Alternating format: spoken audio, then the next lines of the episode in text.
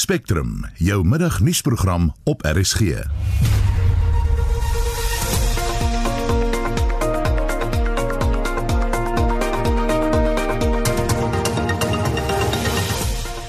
In vermiddag se program korttermynversekeraars vaar baie goed en praat met 'n ekonom of ons praat met 'n ekonom.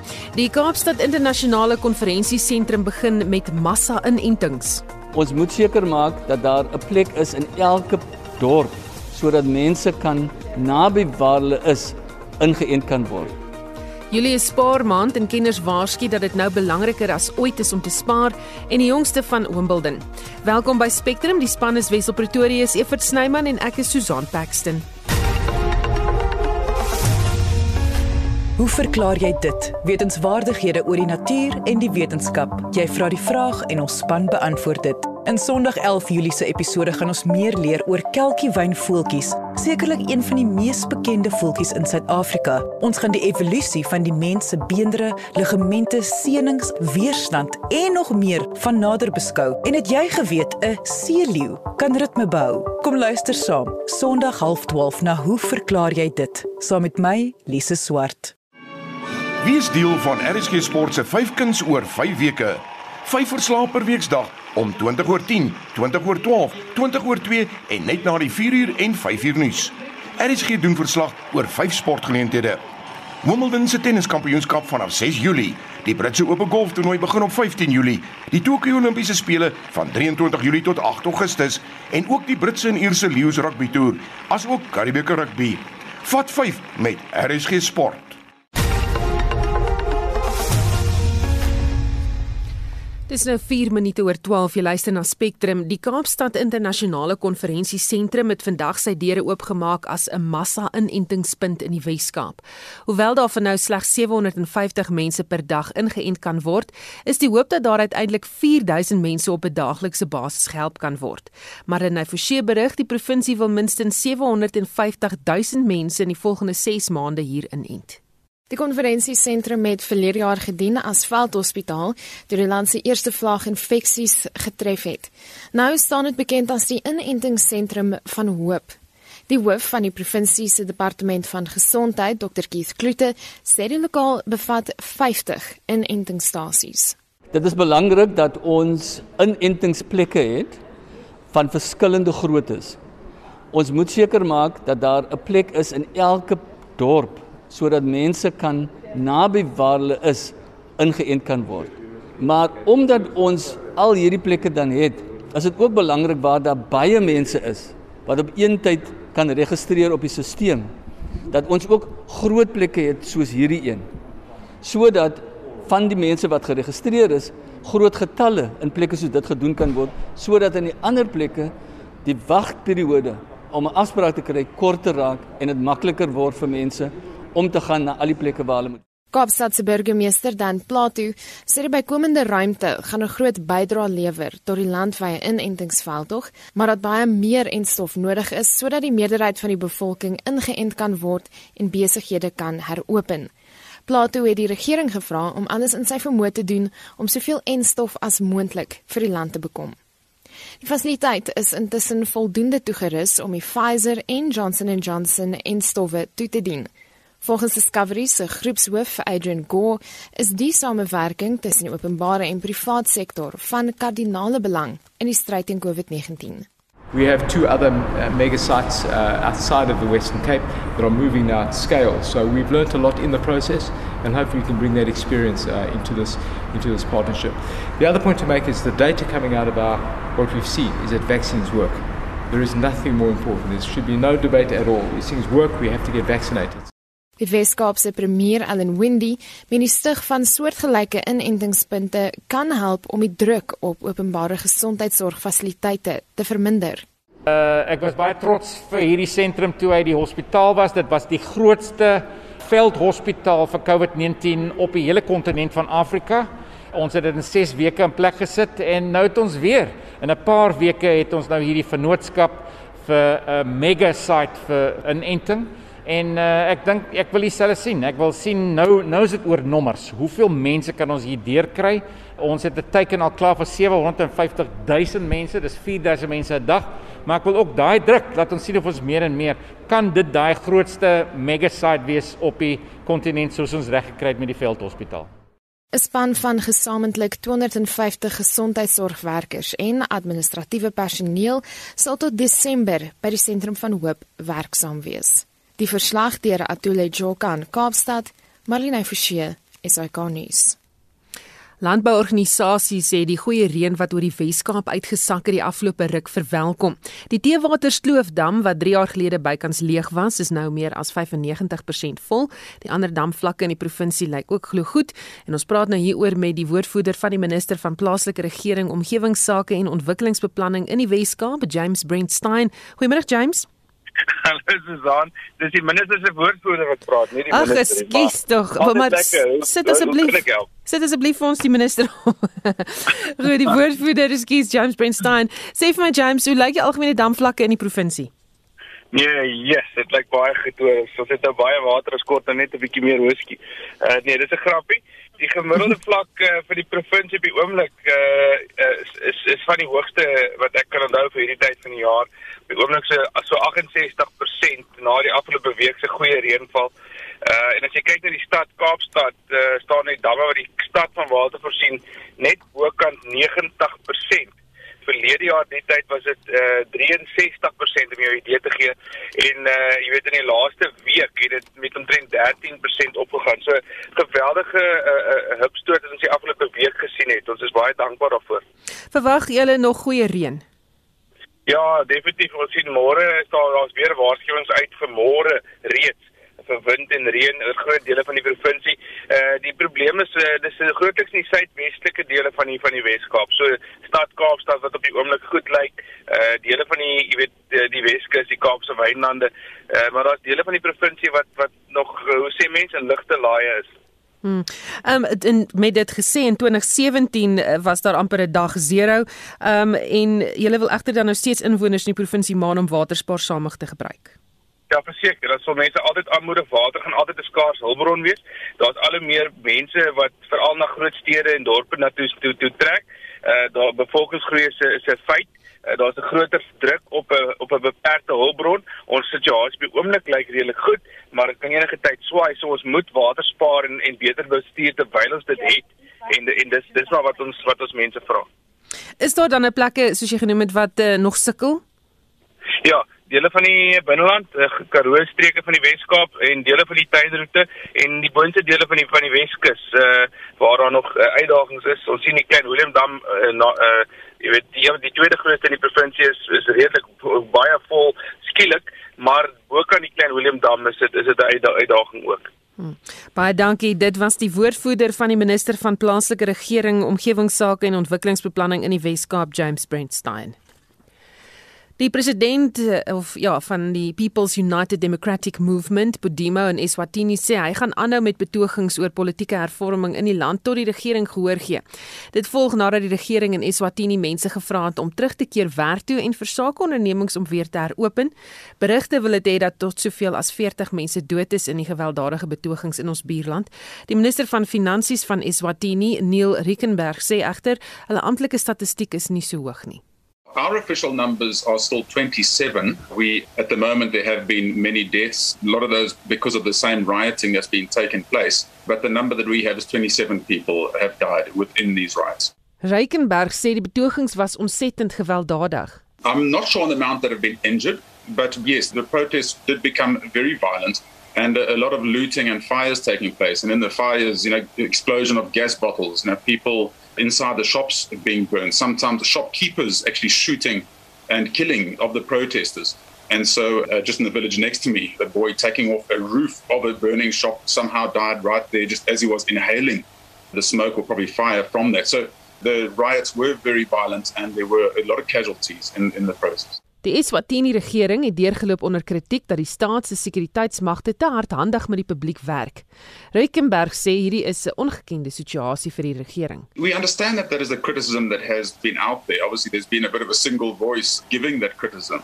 Uh, but at the same time, on the ground, one has found that it's a we, we're not we're not actually used to this as a country, and hence these protests actually got quite uh, got quite out of hand.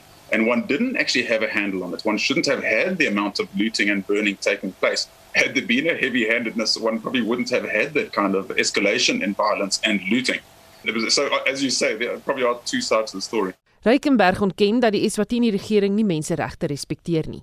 I think we have a history of good examples of peaceful protests. You know, one, the only time law enforcement gets involved is when people's property is being damaged or that violence breaks out. So there's been a long, long history of people demonstrating, people, the strikes being taking place. And the only time the police uh, do disperse protest is when actually the violence starts. There's never been a history of police breaking up a peaceful protest. It is a human right and it is uh, very much respected in the country. So I'm hoping that investigations can be done. Government also do their own investigations. International investigations might be done, and uh, and, and, the truth will be revealed. But we believe that um, the government has done what was necessary to try and protect uh, private property and stop violence in the situation. Dis die minister van Finansies van Eswatini, Neil Reikenberg. Korttermynversekeraars vaar ten spyte van die pandemie wat ekonomies uh, baie swak is vir mense se huishoudings baie goed. Dis volgens 'n studie wat pas deur Dr. Rolof Botha, ekonomiese adviseur van die Optimum Beleggingsgroep bekend gemaak is. Die studie het bevind dat daar jaar op jaar het korttermynversekeraars 'n toename van meer as 70% gehad in premies wat betaal word teenoor eise wat uitbetaal is. En ons praat nou met Rolof Botha. Goeiemôre Rolof. Goeiemôre julle. Kom ons kyk net eers hoekom het julle die studie onderneem? Dan ja, die organisasie met die naam uh Insurance Claims Africa, uh waarvan uh Ryan Woolley die hoof is, het my gevra uh om net te kyk na die uh, makro-ekonomiese situasie uh van die korttermynversekeraars en of hulle enigstens in 'n posisie is om wel hierdie uh skadevergoeding eise uh, eise van klein besighede veral veral die toerismebedryf wat hulle deure moes sluit en natuurlik ehm um, ge geweldige verliese gelei uh om om daai eise te kan uitbetaal. En toe het ek bevind dat um, in die eerste kwartaal van jaar het die premie inkomste van hierdie uh, assuransmaatskappye tot 'n nuwe rekordhoogtepunt van meer as 40 miljard rand gestyg. Ehm um, en wat vir my die uh, kommerwekkendste van alles is is dat as mens kyk na hulle uitbetalings van eise in die eerste kwartaal, dit was so net oor die 18 18.4 miljard rand. Hulle operasionele uitgawes uh wat kommissies ehm um, bestuursfooie en salarisse insluit was 16 miljard. Uh, met ander woorde dit is amper 90% van die eise wat uitbetaal het en daai gemiddeld was nog altyd van die uitgawes teenoor die eise wat uitbetaal is. Daai gemiddeld oor die laaste 15 jaar was onder 50%. Nou is dit op pad na 100% toe. Uh en en hier is beslis 'n slang in die gras. Dis asof hulle die die geld wat hulle het nie vir die uh eisers gee nie, maar vir hulle self gee. Wat is die impak hiervan op byvoorbeeld die verbruiker? Wel, vir die verbruiker wat 'n uh, klein besigheid het wat benadeel is uh, deur COVID wat uh, volgens um, die verbruik die die die, die polishouers interpretasie van sy uh, eis of of sy polis met die korttermynversekeraar is is hierdie 'n gewellige terugslag want in die eerste plek het hulle gesloer in die uitbetalings toe gaan hulle howe toe uh toe gaan hulle appelhof toe en hulle kry elke keer nie howe bloedneus en as mens nou met Ryan Woolley praat ek meen die man se frustrasie vlak teen geen einde nie. Hy hy tree nou op namens 850 mense besighede wat besig is om uh te sukkel om hulle geld te kry um by die uh korttermynversekeraars terwyl die korttermynversekeraars se reserves wat uh uh winste insluit wat nie uitbetaal is nie uh nou gestyg het ook na 'n nuwe rekord van amper 77 miljard rand Die punt wat uh, Ryan wil maak en, en wat ek vir hom bevestig het is dat die korttermynversekeraars het geen rede om, om nie hierdie eise uit te betaal nie. Wat gaan met die inligting gebeur? Wel, ehm um, hulle is besig om om uh, hierdie inligting baie wyd uh, te versprei en wat Ryan hulle natuurlik gaan doen by by, by daai maatskappye is hulle gaan ook die individuele versekeraars wat uh die die uh skuldig is aan doelbewuste vertragingstegniek uh uh deur elke keer na nog 'n hoër hof toe te gaan. Ehm um, dis herinner mense miskien aan meneer Zuma se taktik ongelukkig. Uh hulle hulle gaan vir hulle gas gee om nou daai uitdrukking te gebruik. Hmm. Gepraat van uh, Jacob Zuma, um, dit is 'n uh, kwessie wat ekonomie onrustig stem en dit is die inhegtenisname van Jacob Zuma. Die mark het baie goed gereageer toe daar aangekondig is dat hy moet tronk toe gaan, maar daar bestaan vrese dat die omgekeerde kan gebeur as hy nie tronk toe gaan nie. Wat is jou gedagtes hieroor? Wel as mens kyk na die kapitaalmarkte se reaksie, die staatseffekte koers veral natuurlik in die wisselkoers, dit is maar jou twee grootste aanwysers, dan wil dit voorkom asof in die stadium die, die kapitaalmarkte eerstens hulle self nie vreeslik baie hieraan steur nie. Hulle beskou dit as 'n interne uh, probleem. Ek dink hulle het by Paul Hofman ehm um, kers gaan opsteek toe hy gesê het hierdie hele kwessie is is maar ook maar nog deel van die faksiegeveg wat uiteindelik uh, baie duidelik deur uh, president Ramaphosa gewen word en gewen gaan word. Ehm um, en dit is asof hulle aanvaar het of dit nou hierdie week is of volgende week uh of wanneer die wapenskandaal ding uiteindelik ter berre kom.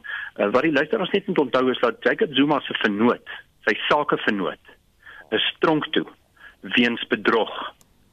Uh, uh Zuma het president geword.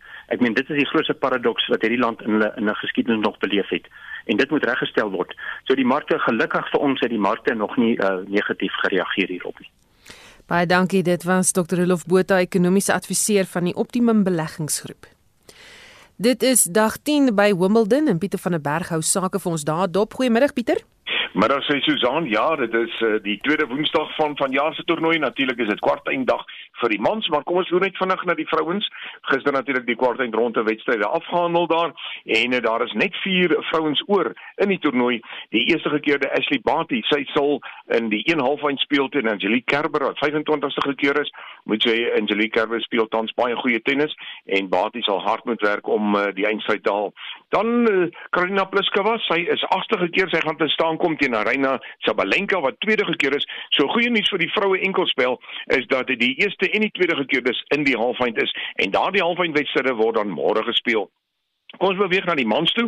Vandag natuurlik alle aandag soos ons sê op die kwartfinale vir die mans. Nou om 2 uur op baan 1 sal Karen Kaskanov eh, wat uh, 25ste gekeer is, te staan kom teen Dennis Shapovalov van Kanada. Hy is 10de gekeer. Daardie wedstryd begin om 2 uur op baan 1 en net na daardie wedstryd is dit die 7de gekeerde Matteo Berrettini van Italië wat uh, op die baan gaan stap teen die 16de gekeer gekeerde Felix Augur Alessim en hy is net 20 jaar oud van Kanada. Op die hoofbaan vandag, dis waar die groot name in aksie gaan wees. Nou as ek sê die groot name gister natuurlik die tweede gekeerde uitgeskakel, maar die eerste gekeerde Novak Djokovic van Servië, hy steeds daar en hy sal om 0.30 Suid-Afrikaanse tyd uh, teen die omgekeerde Martin Fisovic speel van Hongarye en soos ek sê hy is omgekeer. Dan die ander wedstryd Roger Federer die 60 gekeerde van Switserland hy gaan op die baan stap teen Pole se Hubert Hurkacz en uh, daardie uh, speler dit is Hurkacz hy is 'n 14de keer vir die toernooi. Dit die, daardie wedstryde begin dan so 'n bietjie later maar uh, goeie nuus vir Suid-Afrika is dat die aksie reeds begin het wat die dubbelspel aanbetref. Gister moes uh, Suid-Afrikaanse uh, Suid-Afrika se Ryan Klassen en Ben McLaughlin moes hulle uh, natuurlik in die kwart eind speel van die mans dubbels, maar daardie wedstryd as gevolg van die reën vind nou plaas. Hulle is reeds op die baan En ek sien daar dat Blelly en Gonzales, hulle loop met 2-1 voor, twee potte teenoor 1 in daar die eerste stel, maar dit is uh, op die oomblik uh, McLaughlin wat afslaan om dit 2 uh, elk te maak. Dis uh, veral in daardie eerste afslaanpot, Blelly wat baie hard moes werk om sy afstand te behou, maar die telling dan 2-1 op die oomblik vir uh, Italië se Blelly en uh, Argentinië se Gonzales teen Ryan Klassen van Suid-Afrika en Ben McLaughlin. En dan net uh, laastens uh, net vir 'n terugskakel Susan, moet ons ook dalk net noem dat later van vanmiddag nie eh, nie omgewing van 4 uur Suid-Afrikaanse tyd, nie 5 uur Suid-Afrikaanse tyd. Is dit nog 'n uh, wedstryd waar Suid-Afrika by betrokke is? Die einste Ryan Klassen, hy sal in die gemengde dubbelspel sal hy saam met Jurak van Kroasie speel en hulle kom te staan teen Charlie van Frankryk en Brody van Groot-Brittanje. Dan is die nuus, die kwart eindwedstryde van die mans enkelspel later vanmiddag, ehm um, 2 uur en half 3 Suid-Afrikaanse tyd waar die wedstryde begin op baan 1 en op die hoofbaan en tot uh, so bietjie later 20 oor 2 gesels ons weer in 360 is dit terug na jou Susan in die ateljee in Johannesburg. Baie dankie Pieter van der Berg van RSG Sport. Vrystaat Landbou sê hy oorweeg regstappe teen die provinsiale regering oor die stand van die paaie in die provinsie.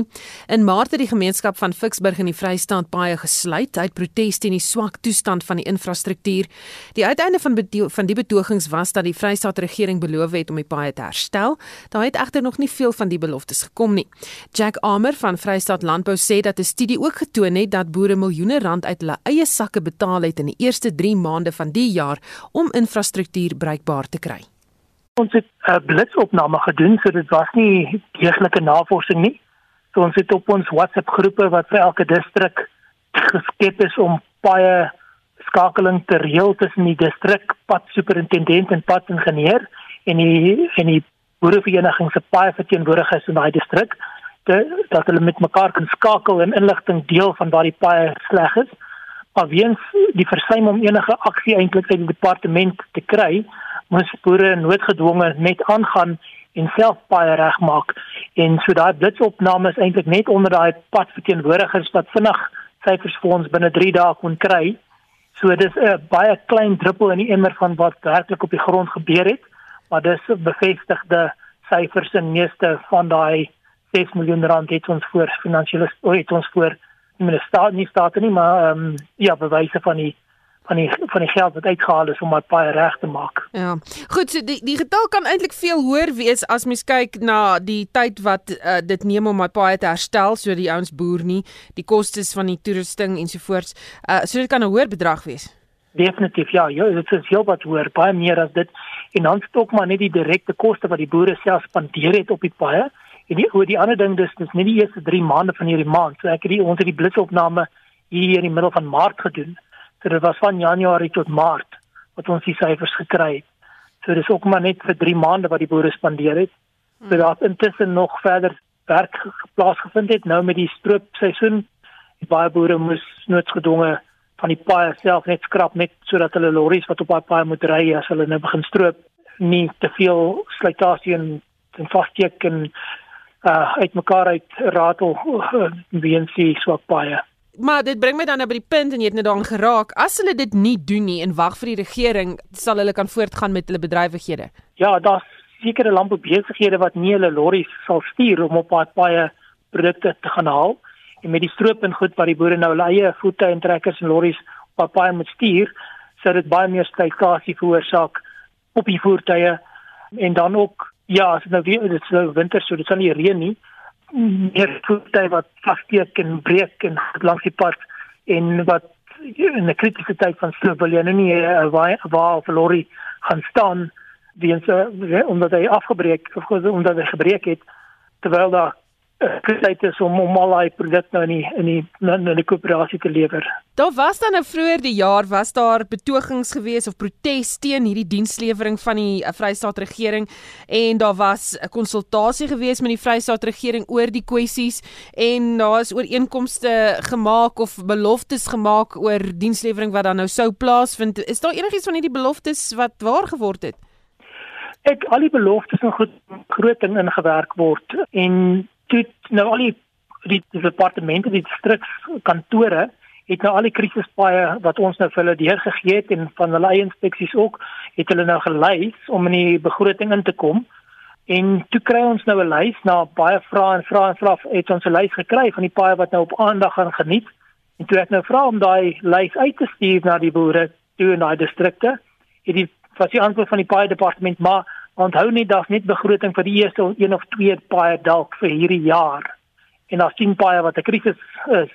So die werklikheid is daar word net 10% begroot vir wat die groot behoefte werklik is om om paaie reg te maak. En daai begroting en dis nou die stel van matige of sistemiese probleme binne die departement self, daai begroting word ook nie ordentlik spandeer nie. Heidiglik word is daar hierdie contract development program dis klein skaal ondernemings wat die departement wil nou ondersteun om werkskeping te veroorsaak. Maar ongelukkig is hierdie klein saak ondernemings net nie bevoeg of hulle kan nie groot skaal padprojekte aanpak koste-effektief nie soos wat die professionele kontrakteurs padkontrakteurs padbouers opgelei is in ingenieurs en, en alles. So so dis self een van die groot strukturele probleme binne die departement hierdie ideologie Ons kan verstaan dat 'n behoefte vir werkskeping en weens transformasie en alles om klein swart ondernemings weer aan die gang te kry of aan die gang te kry om te kan kompeteer in hierdie professionele uh, veld. Maar dit, ons kan dit nie doen ten koste van die hele landelike gemeenskap nie. En dit was Jack Amer van Vrystaat Landbou. Die internasionale komitee van die Rooikruis het 'n gratis toepassing bekend gestel vir diegene wat geraak word deur konflik en ander forme van geweld wat hulle dwing om te migreer. Die projek wat vir die eerste keer tussen Suid-Afrika en Zimbabwe geloods is, laat gebruikers toe om hulle paspoorte, mediese rekords en ander belangrike dokumente in die digitale ruimte te bewaar, maar hulle het verseker meer besonderhede. Stel jou voor jy's in 'n vreemde land en al jou identiteitsdokumente word gesteel. Die is enige migrant se nagmerrie. Dit speel hom daagliks in Suid-Afrika af onder migrante wat uit haglike omstandighede na ander lande vlug. Die beskermingskoördineerder vir die komitee, Maria Street Blondieu, sê hulle het agtergekom dat verskeie migrante gebruik maak van sosiale media en ander digitale platforms om inligting te berg of te verkry. Unfortunately, it's not always safe or the information they get is not always updated.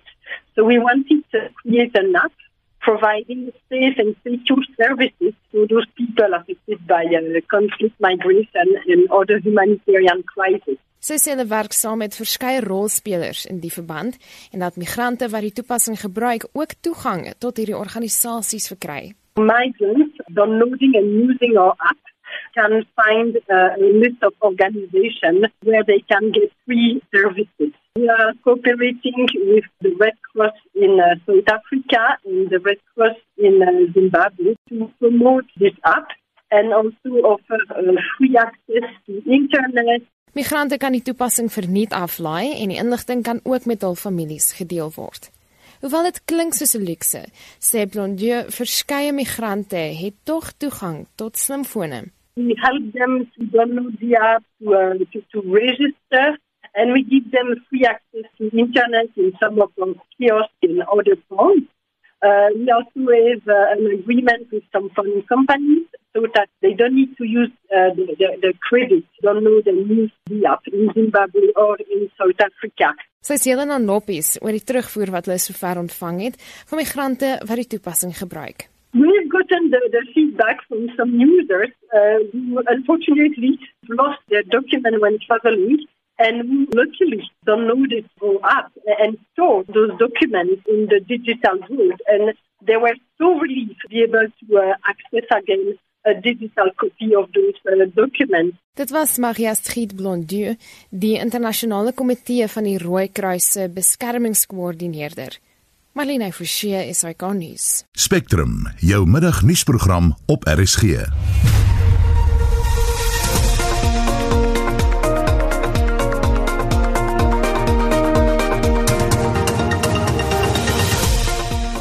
Hoofnuus in Spectrum vanmiddag korttermynversekeraars vaar baie goed ten koste van verbruikers bevind 'n studie. Die Kaapstad Internasionale Konferensiesentrum begin met massa-inentings en Julie is spaarmaand. Kenners waarsku dat dit nou belangriker is as ooit om te spaar. Bly ingeskakel.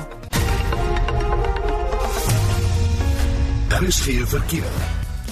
In Kaapstad staan 'n voertuig op die R300 suid net na Hindelweg. Dan in Gauteng Johannesburg staan 'n vragmotor op die N12 oos net voor Komaro straat in die linkerbaan. Daar staan ook 'n voertuig in KwaZulu-Natal op die N3 Wes net na die Marion Hill tolhek en dit is jou verkeersnuus. Jy luister na Spectrum.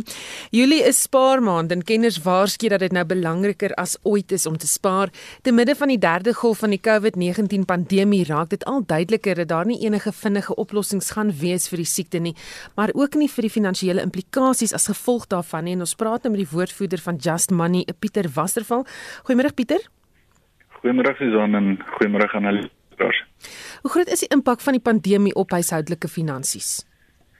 Susan, dit is ehm um, dit is eintlik skrikwekkend. Ehm um, ons het so 'n bietjie vroeër hierdie jaar het ons 'n studie gedoen waar so wat 2000 van ons, ons lesers aan deelgeneem het en so wat 'n kwart van hulle, of skielik 'n 3 kwart van hulle het aangedui dat ehm um, hulle inkomste baie baie geaffekteer was deur die pandemie. So amper 75% van van die lesers het gesê dat hulle inkomste geaffekteer was deur die ag deur die deur die pandemie. Ehm um, so so ja, ons het ons ons ehm um, ons is baie verbaas daarmee.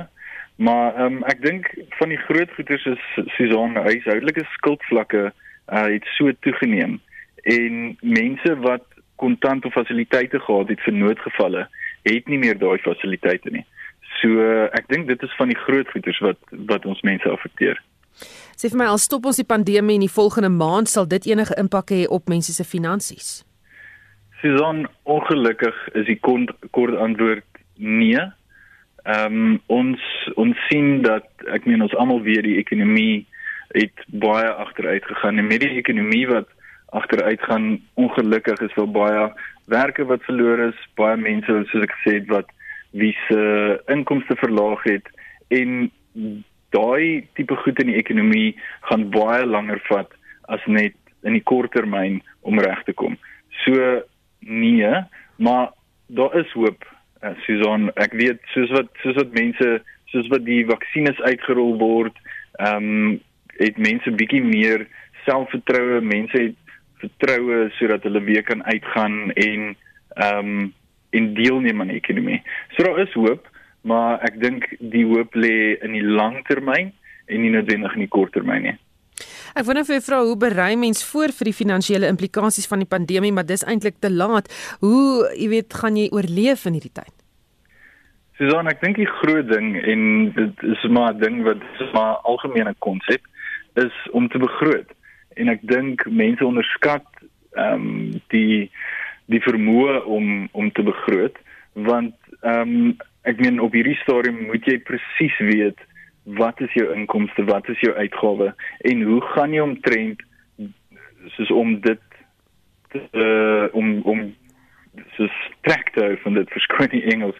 Maar ehm um, dan kan jy ook sien waar kan ek so bietjie sny, waar kan ek so bietjie spaar en dit is die dit is die dit is die groot idee is om deur die pandemie, deur al die moeilike tye nog steeds 'n bietjie terug te hou. En ek dink ons het die die konsep redelik onder die knie. Ek meen ons het so half geleer om te om te moed spaar. Ek meen baie van ons gaan eet nie meer so baie uit nie. Ehm um, ons spandeer nie so baie geld op uh op reis nie. Ek meen baie min van ons kan aanhou nou met daai goed. So ehm um, ja, Susan, ek dink ek dink dis maar die groot goed. Ehm um, ek moet sê, jy weet, een van die groot besparings wat ek gehad het in hierdie tydperk is op brandstof omdat daar nie soveel verkeer was nie, soos nie daai stop ry stop ry situasie nie. So my brandstofrekening baie ligter of laer, maar oor die algemeen, wat anders kan mens doen om te spaar? Susan, ons ehm um, ons ons sê altyd die eerste ding wat 'n mens moet probeer doen is om jou uitgawes te probeer verlaag. En ek dink 'n groot ding daaromtrent is skuldvlakke. Skuldvlakke is op hierdie stadium een van mense se een van huishoudes se se grootste uitgawes.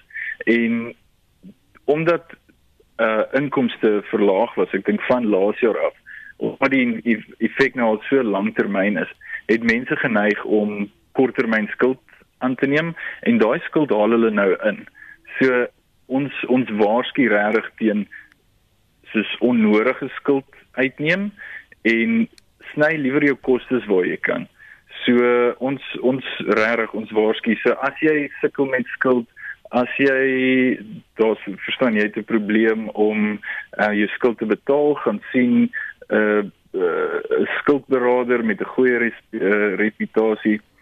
So so ja, ek dink die groot ding is dat 'n mens nie moet probeer om nog inkomste noodwendig te kry nie, maar eers moet jy kyk na wat kan jy sny? En as 'n stadium kom wat jy kan sê, goed, ek weet nou presies wat ek spandeer want ek het begroot en ek het gesny presies wat ek kan want ek weet waar kan ek sny, dan kan jy gaan en jy sê, goed, wat kan ek nog doen? Wat kan ek ekstra doen om so 'n bietjie meer geld in te kry? Daai geld weet jy dan presies wat jy mee kan doen want jy begroot en jy kan daai geld op die regte manier spandeer. Baie dankie, dit was die woordvoerder van Just Money, Pieter Wasserval. Ons het einde verlede jaar berig oor Koster in Noordwes waar inwoners dit met 'n hofbevel reg gekry het om beheer van die dorp se waterwerke by die Getleng munisipaliteit oor te neem. Dit is genootsaak omdat die munisipaliteit gebrekkige dienste gelewer het. Daardie situasie is nou intussen omgekeer en die munisipaliteit het weer beheer van hierdie waterwerke oorgeneem. 'n Sakeman, Willie Jones sê die dorp het nou meeste van die tyd water. Soos in die aande maak hulle baie vroeër toe. So ons het maar nog steeds nie heeltyd water nie en dan swart ruggens waterkwaliteit. Dit lyk eintlik beter. Daar's probleme met die riool en swart ruggens. Die munisipaliteit het nie geld nie so daar word nie diesel gekoop om die generators te laat hardloop. Nadat ons teruggegee het die generators wat water gepomp het in die beerdkrag. So op die ou ende met die beerdkrag en goeder saam is daar bloot net nie genoeg ure in 'n dag om te kan water pomp nie. Soos hy 10 9 liter dam wat hier bo by die waterwerke is van dit hulle oorgevat het tot vandag toe was hy nog nie een keer vol nie. En ons het daai dam heeltyd vol gehou. Maar is die rioolprobleem opgelos? Vir die waarheid te sê, die riool loop nog steeds in die Elandsrivier in. Hulle het vir 'n paar weke die manholes en goed heel gemaak, al die hoë koppe en goeters hier was. Ja, en daarna doen hulle dit nie meer nie. Die goed is weer verstop. Daar's net nie 'n wil om, om hierdie goed reg te maak nie. So ek dink nie eintlik ons het vreeslik bereik met die hele aksie nie. Ek sou dit baie anders te wou gesien het. Volgens Jones het die aanvanklike uitspraak gelas dat as die munisipale bestuurder van Koster nie binne 10 dae die vloei van riool in die Elandsrivier stop nie, hy tronkstraf sou kry. In die daaropvolgende hofsaak het die regter bevind dat die munisipale bestuurder nie die hof geminag het nie en dat die geld wat deur die privaat individue bestee is om dienste te lewer nie terugbetaal gaan word nie. Maar hulle het op 'n stadium vir 5 dae hulle die hele storie geran en toe daarna het ons 'n klomp kostes aangegaan wat op die einde van die dag hierdie hofuitspraak net maar basies gesê daai geld wat ons uitgegee het hulle gaan ons nie vergoed daarvoor nie. Verder het Joseph Mogale weggestap sonder enige tronkstraf en wat baie snaaks was van die hof gebeure is dat Afriforum wat as 'n vriend van die hof toegetree het, is op die ou ende met al die kostes uit die hof uit. Jones sê die inwoners van Swartruggen se waterwerke is herstel wat vir die eerste keer in 4 jaar funksioneer. Ons sê die ou 5.2 miljoen rand betaal Die aanleg is nou so 3 weke terug klaar gemaak oor hande van die munisipaliteit. Volgens die hofuitspraak mag niemand van KDS lede naby die waterwerke, rioolwerke of enige pompstasies kom nie. So ons word heeltemal uitgesluit asof ons nou die vyand is. Dis moeilik om te sê of die goed reg funksioneer. Mens weet dit nie want dit is presies dieselfde mense as wat voorheen die aanlegte geran het. Die geld om die Swartruggens waterwerke te herstel is wel aan die verskaffer betaal, maar die dringendheid van die saak is vir Jones verlore. Omdat ons kom ons sê alles reggemaak het, dis nou net die ding moet bedry word en moet onderhou word, maar ek kan nie sien dat hierdie storie volhoubaar gaan wees. Kyk, dis ook verkiesingstyd en die regering doen baie moeite om steun te werf en hulle wil nie hê iemand moet hulle help op hierdie stadium om staatsbates te onderhou of te help bestuur. Hulle wil dit eerder self doen. Willie Jones is 'n sakeman in Koster. Die hoofgemeenskapsontwikkeling by AfriForum Johan Kreer sê dat die organisasie die appelaansoeke van Pionier en die Koster besorgde inwoners organisasie ondersteun. Pionier is 'n maatskappy van AfriForum. AfriForum het 'n tak in Koster en in Swartruggens en ons die die belang van die saak natuurlik nie net vir die gemeenskap daar nie, maar ook landwyd was so groot dat AfriForum 'n vriend van die hof toegetree het om sekere aspekte ook nog vir die hof te help plaas, maar eintlik ter ondersteuning van die hof en die groter hof aansoek en Afriforum bly dan nou vriend van die hof ook wanneer die saak op appel gaan en ons sal indien nodig nog steeds verdere submissies voor die hof bring. Dit is twee aansoeke om appel. Een deur die KBU teen die uitspraak dat die munisipale bestuurder nie die hof geminag het nie. Die tweede punt gaan oor die hof se bevinding sê kreer dat die KBU verkeerdelik in beheer van die waterwerke was nadat dit weer teruggeneem is. Daar was 'n oorgawe ooreenkoms gewees ingevolge die eerste hofbevel, maar dit het verval omdat daar nie betaling plaasgevind het nie en toe dit verval is die werke weer teruggeneem en by die terugname daarvan het, het ons gesien dat alweer binne 'n week so vervalle dat dit weer naby was aan om heeltemal gebrekkige waterdienste te kan lewer. So die hof het bevind dat daardie terugname en die bestuur daarvan onwettig was en, dit is ooglopend volgens ons nie reg nie. Johan Kreer is die hoof gemeenskapsontwikkeling by AfriForum. Mitsi van der Merwe, SAK nuus. Atlete het begin aankom vir die Olimpiese spele in Tokio, Japan. Die openingsseremonie vind Vrydag oor 2 weke plaas en Vincent Mofokeng het meer. Die Olimpiese spele wat met 'n jaar uitgestel is weens die COVID-19 pandemie, sal op 23 Julie begin, maar organiseerders staan steeds voor moeilike besluite oor hoe om die verspreiding van die koronavirus te voorkom. Die organiseerders het verlede maand besluit om 'n beperkte aantal plaaslike toeskouers toe te laat maar 'n opwaartse kurwe in COVID-19 gevalle in Tokio het bespiegelinge laat ontstaan dat bykomende beperkings toegepas kan word. Die president van Tokio 2020, Seiko Hashimoto, het onlangs haar gereelde nuuskonferensie gehou. Ondanks al die uitdagings die afgelope paar maande, bly die internasionale Olimpiese Komitee optimisties dat die spele volgens plan sal voortgaan. So het Thomas Bach, president van die IOK, etlike maande gelede gesê toe alles nog onseker was. We are putting a, a really a huge toolbox uh, together in which uh, we will uh, put uh, all the different uh, measures we can imagine uh, so that uh, next year at the appropriate time we will be able to take the right tools out of this toolbox and apply them in order to ensure a safe environment for all participants in the games. Intussen sal die 12-jarige Sky Brown Britannia se jongste Olimpiese deelnemer word nadat sy met Bombet Martin as Britannia se skaatsplankryers vir die Olimpiese spele aangewys is. Brown sal 13 jaar en 11 dae oud wees as sy aan die spele deelneem en verbeter die rekord wat die swemmer Margaret Hinton opgestel het wat 13 jaar en 44 dae oud was by die Amsterdamse spele in 1928. Die ijskaatser Cecilia College het op die ouderdom van 11 aan die Olimpiese Winterspele in 1932 deelgeneem. Brown kan haar vreugde inhou omdat sy deel van die span is nie.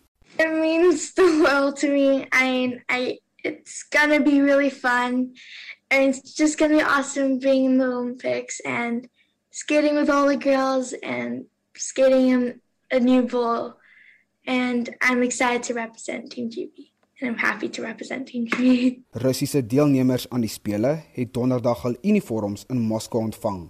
Hulle word tot 2022 verbied om aan groot internasionale byeenkomste waaronder die Olimpiese spele onder hul vlag en met hul volkslied deel te neem na 'n uitspraak van die arbitrasiehof vir sport verlede jaar. Die IOK het in Februarie riglyne gepubliseer waarin gesê word dat Russe sal meeding as verteenwoordigers van die Russiese Olimpiese Komitee onder die afkorting ROK. Baie Russiese atlete is by die afgelope 2 Olimpiese spele verbied en die land is tydens die Pyeongchang Winterspele in 2018 van die land se vlag ontneem as straf vir die gebruik van staatsgesanksioneerde verbode middels tydens die Sochi spele in 2014. Met slegs 2 weke voor die aanvang van die spele het die Noor Karsten Warm die 29-jarige Kevin Young se 400 meter hekkies wêreldrekord verbeter toe hy die afstand in 46,70 sekondes vir sy tuisondersteuners in die Diamond League verlede week in Oslo genaal het. Waarhom klop die Olimpiese kampioen van 1922, Yang, se tyd van 46,78 sekondes wat 4 jaar voor die Noor gebore is, opgestel is en was die langste rekord in die mansbaan. En die Amerikaanse naloper, Shakari Richardson, het positief getoets vir Dagga en sal waarskynlik nie van dese maand die Olimpiese 100 meter titel in Tokio aanpak nie. Daar word beweer dat sy verlede maand positief getoets het tydens die Amerikaanse Olimpiese proewe waar Richardson haar as 'n goue medaljekandidaat gevestig het deur die 100 meter in 10.86 sekondes te wen. Die verslag is saamgestel deur Sifiso Ramara van ons sportredaksie. Ek is Vincent Mufokeng vir SAI Garnis. Terug na die Olimpiese spele in Tokio, Japan wat op 23 eh, Julie begin. Geen drank, geen drukkies, geen gejuig en geen handtekeninge sal egter toegelaat word daar nie. Die bekende afrigter en tikkies se atletiekbaas Dani Cornelius het aan Vincent Mofokeng verduidelik watter veiligheidsmaatreëls van toepassing sal wees. Elke atleet moet ten minste 96 uur voor hy of sy vertrek moet 'n toets doen en dan uh, moet hulle ook weer 'n toets doen 72 uur voor hulle vertrek. Met ander woorde, daar moet twee toetse gedoen word. Ehm um, en die laaste een mag nie ouer wees as 72 uur nie. Nou albei van hierdie toetse moet negatief wees. En uh, dit moet dan ook wanneer hulle aankom in uh, Japan, moet hulle ook hierdie beide hierdie toetse moet hulle daar ook dan aan die uh, persone wat die uh, immigrasie hanteer uh, voorhandig dat hulle kan sien. Maar as hulle aankom ook in Japan, gaan hulle ook 'n spoeg COVID toets bedoen waar hulle die spoeg uh, vat en dit word dan ontleed vannag. Nou wat gebeur sodra hulle aankom in Japan, die uh, monster word dan geneem en dan uh, gaan hulle deur immigrasie, hulle kyk dat alles reg is, dat dokumente reg is en hulle kry hulle bagasie en dan wag hulle in 'n area totdat hierdie toetse gedoen word. Die toetse word baie baie vinnig gedoen en dit gaan nie te lank vat vir 'n atleet om hierdie eh, spoegtoets te doen nie. As hierdie toets uh, dalk enige uh, onsekerheid is of hulle vermoed dat die atleet dalk COVID positief is, dan word die gewone toets dan gedoen. As dit dan sou wees dat die toets negatief is, kan die atleet aangaan. Sou dit wees dat hy positief is, word hy in 'n area dan gehou onder kwarantyne. En is daar enige voorsorgmaatreëls getref vir atlete? Hulle wil graag hê alle atlete wat deelneem moet nie van hulle eie verblyf uh, gebruik maak nie. In die verlede het baie atlete van hulle eie verblyf gebruik gemaak en dan ook buitekant die stadion gebly of buitekant die stad gebly. Hulle wil graag hê almal almal moet binnekant in die stad bly sover as moontlik. En dan daar word ook daagliks 'n word dan spoegtoetse geneem van die atlete wat in die uh, village is. Hulle wil ook hê die atlete moet so min as moontlik buitekant beweeg uh, in areas beweeg waar hulle nie uh, dit moontlik kan COVID optel. So enige uh, toeriste aantreklikhede goeder word eintlik nie aanbeveel om te kan bywoon nie. By die stadions en by die verskillende plekke waar die atlete deelneem, gaan daar toerusting wees wat die atlete se temperature ook kan monitor. As 'n atleet se temperatuur bo 37.5 is, grade Celsius is, dan gaan hulle daai atleet dan onmiddellik met hom 'n toets laat doen en dan kan die atleet dan ook gevra word om geïsoleer te word. En dan Dani, wat is die protokol vir ondersteuners? Wat mag hulle doen en nie doen nie? Toeskouers moet ook uh, gaan ook blootgestel word aan hierdie temperatuurapparaat uh, as hulle die stadion binnekom met hulle kaartjies en dan gaan hulle ook uh, sodra 'n persoon se temperatuur hoër as 37.5 is, gaan hy nie toegelaat word om enige van die stadions te kan bywoon nie. Ehm um, atlete word ook beperk dat hulle nie die spelers kan gaan deelneem en wat ander atlete deelneem te kan kyk nie. Hulle word ook aangemoedig om leerste maar in die stad te bly, Olimpiese stad te bly en dan daar ook hulle te isoleer want hulle wil graag soveel as moontlik uh mense wat dat hulle nie in aanraking kom met buitemense ook nie. Uh, enige besoekers ook gaan baie sterk of streng beperk word dat daar min toeskouers of uh gaste wees wat jou kan kom besoek. Dit gaan basies maar net die Olimpiese komitees van die onderskeie lande se afvaardiging sal basies toegelaat word, maar dit is 'n stelle streng protokol. Dani Cornelius, afrigter en tikkie atletiekbaas en hy het met Vincent Mofokeng gepraat. En ons op uh, om met vir ons te sê wat is die jongste nuus en ontwikkelende stories, praat ons met Estie de Klerk. Goeiemôre Estie. Hallo Susan, die polisie het tot middernag tyd om Jacob Zuma in hegtenis te neem volgens die aanvanklike hofbevel van die konstitusionele hof. En die polisie het intussen 'n brief aan die hof gerig om duidelikheid te kry oor of die bevel nog geldig is na aanleiding van al die litigasie wat oor die kwessie aan die gang is.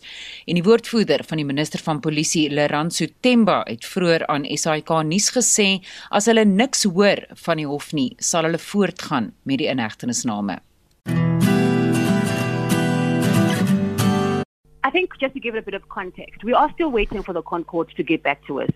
You know that we did write to the acting Chief Justice uh, on the 5th of July to seek clarity as to do we wait for these legal litigation processes to unfold before we make the arrest or do we go ahead and essentially make sure that the former president is arrested by midnight today? So we haven't received any correspondence from the Constitutional Court and, you know, failure for the Constitutional Court to essentially get back to us, we have no choice but to execute the constitutional court order, which clearly states that the former president has to be in custody before the end of today. Die stem daarvan Leranso Temba, die woordvoerder van die minister van Polisie. Die Kaapstadse internasionale konferensiesentrum het vandag sy deure oopgemaak as 'n massa-inentingspunt in die Wes-Kaap en die premier van die provinsie, Allan Wendy, sê hulle kan reeds begin om 750 mense per dag in te ent, maar het 'n doel om veel meer mense per dag in te ent. Op die einde van die dag wil ons probeer om 4000 mense 'n dag te hanteer in hierdie inentingsstasie. Ons mikpunt is altesaam om 750 000 mense deur die stelsel te vat en die stem daar van die premier van die Wes-Kaap Allan Windy. En dan sê Vrystaat Landbou sê hy oorweeg regstappe teen die provinsiale regering oor die stand van die paaie in die provinsie en die organisasie sê 'n studie het aangetoon dat boere miljoene rand uit hulle sakke betaal het in die eerste 3 maande van die jaar om infrastruktuur te herstel. En laastens, landbouorganisasies het die goeie reën wat oor die Wes-Kaap uitgesak het die afgelope ruk verwelkom.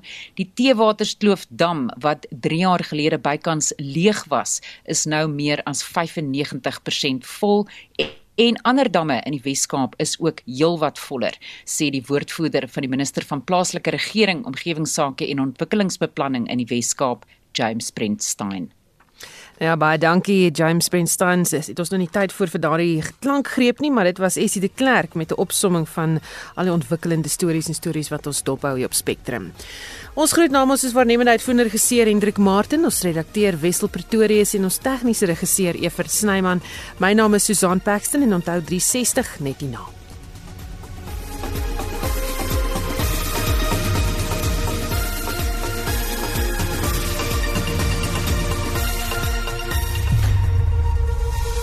SAK nuus. Onafhanklik, onpartydig.